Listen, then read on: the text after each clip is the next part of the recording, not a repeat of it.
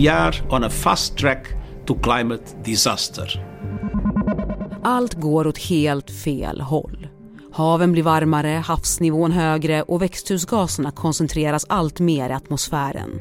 Och Sverige går till val. Vad tycker partierna? Hur ska Sverige öka takten för att uppnå klimatmålen? Fossilhögen, ni har liksom fastnat i att bara prata kärnkraft.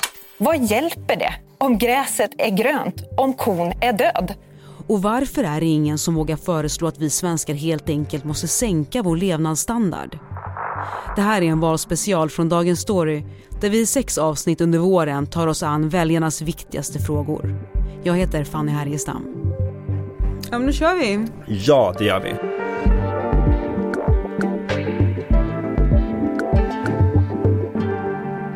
Erik Nilsson, politikreporter här på SvD. Vi har precis jobbat upp vår energi här i studion. Ja, Känner du dig energifylld nu inför att prata om miljö och klimat? Otroligt. Och energi. Eh, ja. Härligt. Vi pratade ju lite om det här inför avsnittet. Alltså man kan ju bara vilja sticka huvudet i sanden ibland när man hör om klimatfrågan. Den är så ångestframkallande. Tycker ju många, eh, jag med. Mm. Hur är det mm. som politikreporter undrar jag att grotta i det här ämnet? Nej men det är ju ångestframkallande. Eller jag vet inte, men, men, men det är också, det är så stort som du säger eh, och också lite, lite, om jag ska erkänna det, tråkigt. Så mycket tekniskt, så många komplexa system ja, och när du känner att det är liksom så långt över ens eget eh, huvud. Abstrakt. Mm, väldigt abstrakt. Men eh, vi börjar med en formulär 1A-fråga. Miljö och klimat, är det här två olika frågor eller är det en och samma? Ja men många skulle säga att den hänger ihop. Klimatet är ju det stora, det, det som handlar om det globala perspektivet, klimatförändringarna, som i stor grad eh, också hänger ihop med miljön, alltså den lokala naturen. Eh, vi vet ju att klimatförändringarna bidrar till fler naturkatastrofer. Samtidigt kan man också ställa miljö och klimat mot varandra. Eh, där tycker jag att eh, till exempel vindkraft är ett bra exempel, där vindkraft ju är bra för klimatet, men det påverkar ju närmiljön. Om vi kollar på partierna då Erik, vi går direkt på liksom um att eh, bena ut lite vad, vad de säger här. Alla partierna säger ju att de vill ha en effektiv miljö och klimatpolitik. Men vad skulle du säga är skiljelinjerna mellan dem? Alltså ställer de samma typ av diagnos och har de samma lösningar eller hur ser det ut? De ställer samma diagnos. Alla partier i Sveriges riksdag erkänner att klimatkrisen är ett faktum. Eh, att eh, människan bidrar till klimatförändringarna som eh, förstör världen helt enkelt.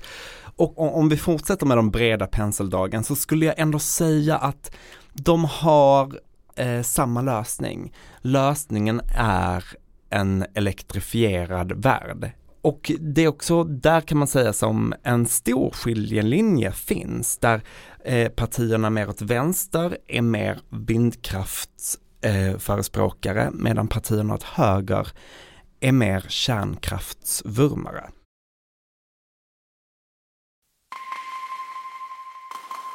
Miljöfrågan hamnar högt upp på listan över de viktigaste väljarfrågorna i Sverige och så har det varit länge. I SOM-institutets senaste undersökning nämnde en av fyra svenskar miljö, klimat och energi när de svarade på en öppen fråga om de viktigaste samhällsproblemen idag. Fast bara för de unga, under 29 år, är miljö och klimat den allra viktigaste frågan. The eyes of all future generations are upon you. And if you choose to fail us, I say we will never forgive you. Och historiskt har det varit lite upp och ner i opinionen. Toppen var i slutet av 80-talet. Då skrämde svenskarna av Östersjöns kris, säldöd och algblomning. Miljöpartiet valdes in i riksdagen och 1988 blev en höjdpunkt. Nästan 70 procent av svenskarna placerade miljö bland de viktigaste frågorna.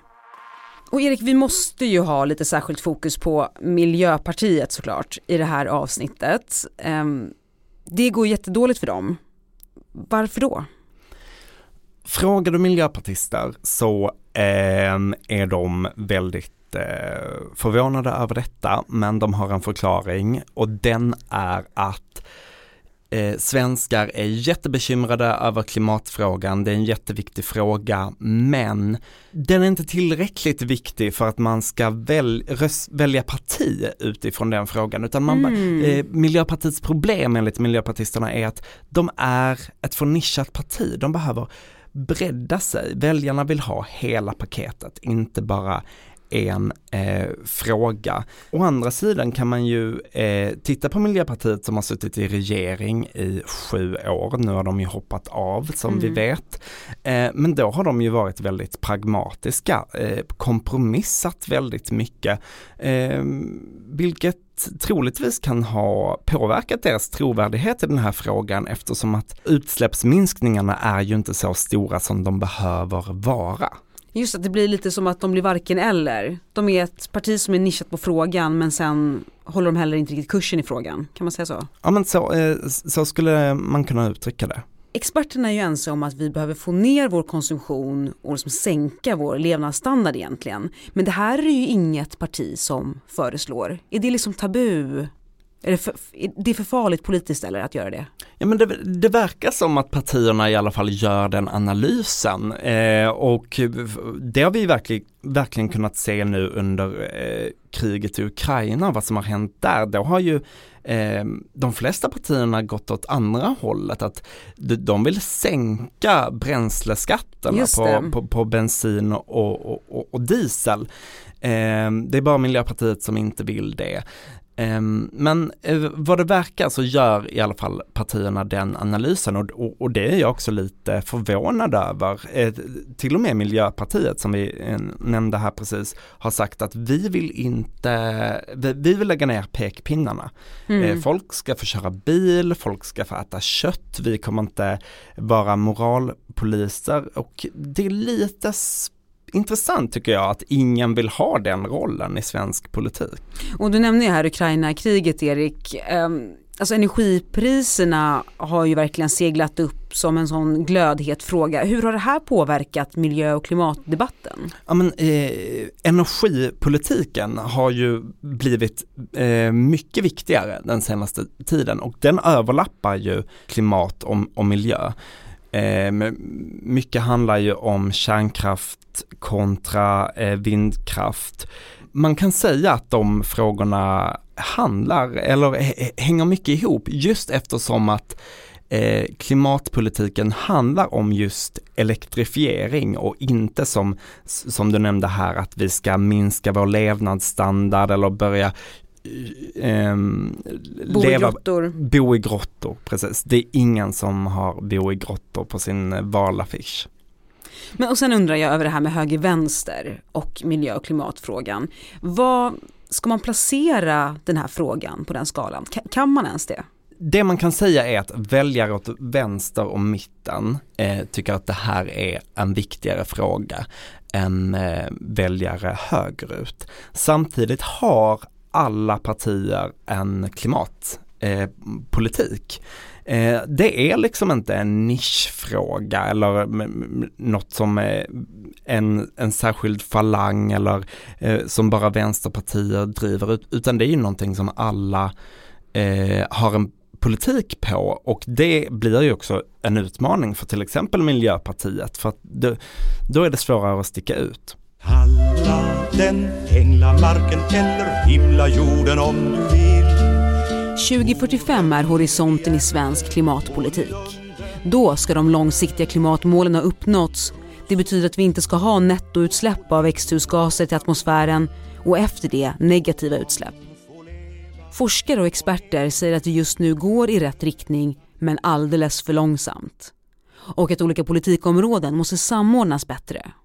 Sverige har ju också skrivit under Parisavtalet Enligt det ska världen hålla den globala uppvärmningen långt under 2 grader och sträva efter att begränsa den till 1,5 grad. Men FNs klimatpanel IPCC sa senast i början av året att klimatkrisen redan är här. Vi behöver inte bara stoppa utsläppen utan också lära oss leva med förändringarna. Temperaturer både i Götaland och Svealand på drygt 30-35 grader. Det fortsätter att brinna där vi har de här skogsbränderna. Finns det några partier som tycker att vi ska strunta i liksom att sträva mot klimatmål och istället bara fokusera på att hantera det här superdåliga läget? Nej, det skulle jag inte säga. Eh, de som ändå ligger närmast det är väl då i så fall Sverigedemokraterna som inte har ställt upp på alla Sveriges klimatmål, som tycker att de är onödiga för att vi kommer eh, ändå inte kunna hålla dem. Och det är bättre att, eh, vad ska man säga, rikta fokus på där utsläppen är som störst, till exempel Kina. Det, det, det spelar ingen roll vad vi i Sverige gör för mm. det, det, det, är liksom en, en fis i rymden. Just för många unga väljare är ju den här frågan den allra mest brännande. Och Greta Thunberg och liksom en flodvåg av unga engagerade med henne ska ju nu i höst eh, kunna gå och rösta om de vill för första gången. Märks det här på något sätt hos de politiska partierna? Förvånansvärt lite skulle jag säga. Igen är jag lite förvånad att eh, att det inte märks eh, mer. Sen när man pratar med de klimatpolitiska eh, mm. talespersonerna från, eh, från alla partier så säger de ju såklart att det här är vår tids ödesfråga. Ehm, men det saknas ju fortfarande ett riksdagsparti som, eh, som vill gå lika radikalt som de här eh, organisationerna som, mm. eh, som eh, hörs högljutt. Men Erik, jag tänker på något som du sa igår när vi stod där uppe på redaktionen och pratade där på heltäckningsmattan.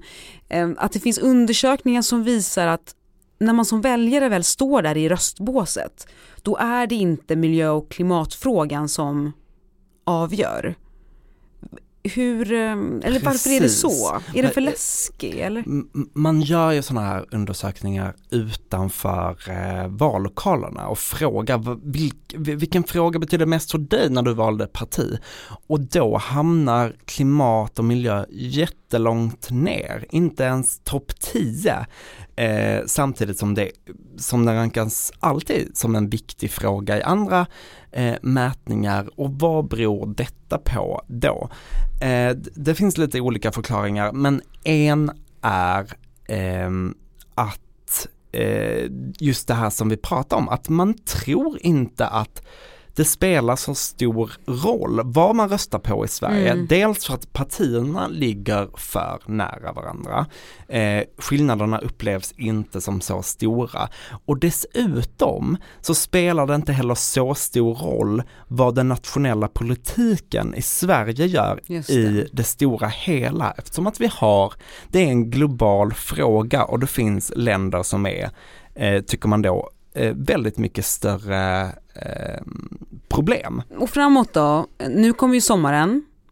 Mm. Förra sommaren var det massa bränder ute i Europa. Vilken roll kan det här spela? Vi tänker om vi får nu en superhet sommar med vattenbrist och så. Kommer det spela roll för väljarnas beteende där inne i röstbåset till valet, tror du? Ja, men jag frågade eh, Torbjörn Sjöström om just detta. Eh, som, Vem är det? Han, han är chef på Novus som ett opinionsinstitut och han trodde eh, nej, det kommer inte påverka så, eh, i så hög utsträckning just på grund av det här vi precis pratade om. Mm. Att man, mm. man, man, tror inte att det spelar så stor roll ändå. Även om, om det är en jättetorr sommar, om vi får mm. översvämningar, så är, är det här fortfarande en global eh, fråga som måste lösas eh, globalt, tycker väljarna. Tack Erik Nilsson för att du var med i Dagens Story. Tack. Du har lyssnat på Dagens Story från Svenska Dagbladet. Vi som gjorde programmet idag är producent Elin Romigliotto, redaktör Erika Hallhagen. Och jag heter Fanny Härgestam. Vill du kontakta oss så mejla till dagensstory.svd.se. Ljudklippen idag kom från SR, SVT och FN.